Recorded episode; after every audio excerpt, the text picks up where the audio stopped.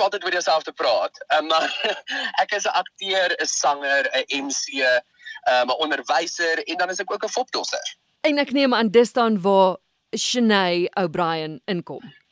Inderdaad. So Shanae is 'n karakter wat ek geskep het in 2009.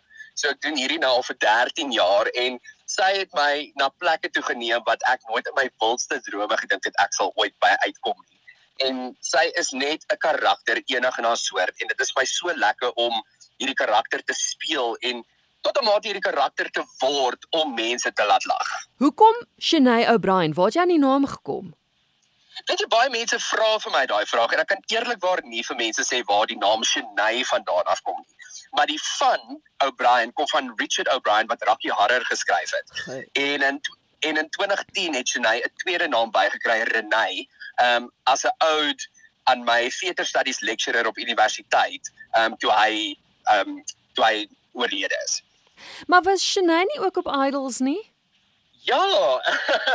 in 2015 was ek op die 11de seisoen van die van die populêre show Idols en ek het Suid-Afrikaanse geskiedenis gemaak en ek het deurgedring tot die top 16 waarvan ek deel was van die top 8 meisies omdat die karakter nou maar van selfsprekend jy weet 'n vroulike karakter is en um, ek het die live shows gedoen en na die eerste live episode toe is ek uitgestem.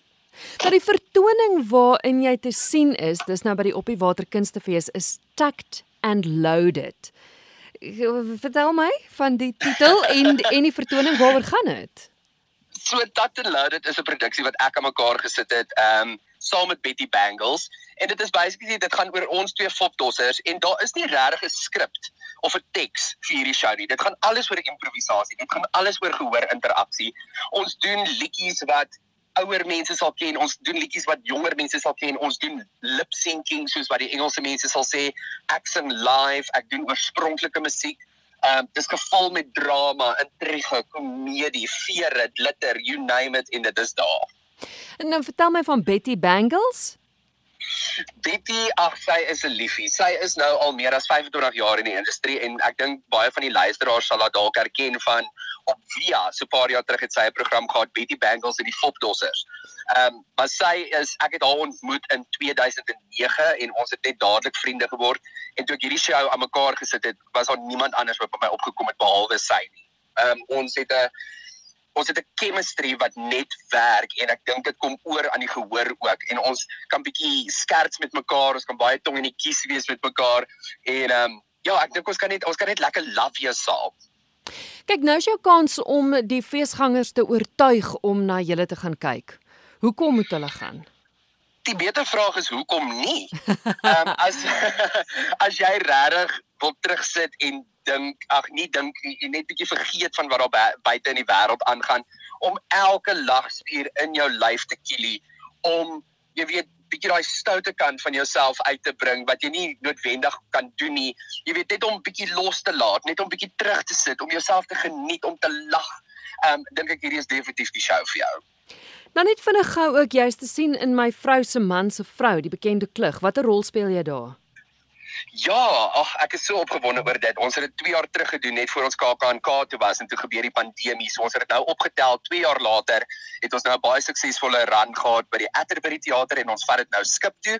Ek speel die rol van Bobby Franklin en hy is 'n karakter enig in sy soort. Hy is daar regtig net vir komiese verligting en hy is die perfekte perfekte voorbeeld van hoekom iemand nie moet DIY nie.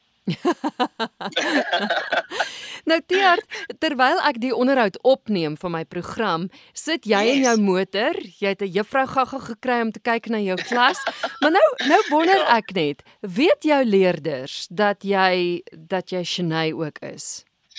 Weet jy, dis 'n baie interessante stelling wat jy nou maak. Ons het so seker so 3 weke terug het 'n kind na my toe gekom en hy het my gesê, "Was jy nie op Idols nie?" En ek is soos, "Maar hoe weet hierdie kind want toe ek op Idols was 6, 7 jaar terug, was hierdie kind 1." Ja. En ek was soos, "Hoe weet hierdie kinders?" Maar ek van selfspreeklik weet die ouers ook en ons ons praat ook gereeld met die ouers. Maar ek dink nie hulle is almal regtig bewus wie ek is nie. Maar ek maak geen geheim daarvan onder my onderwysers en my mede-kollegas nie. Almal weet wie ek is en wat ek doen en almal is verskriklik ondersteunend. Want want ek wou vir jou vra, dink jy mense is uh vooropgestelde idees want 'n paar jaar terug was hierdie dinge maar ek weet dit taboe nie, maar mense het hulle wenkbroue nogals gelig daarvoor. Dink jy mense dink anders oor oor fopdossery?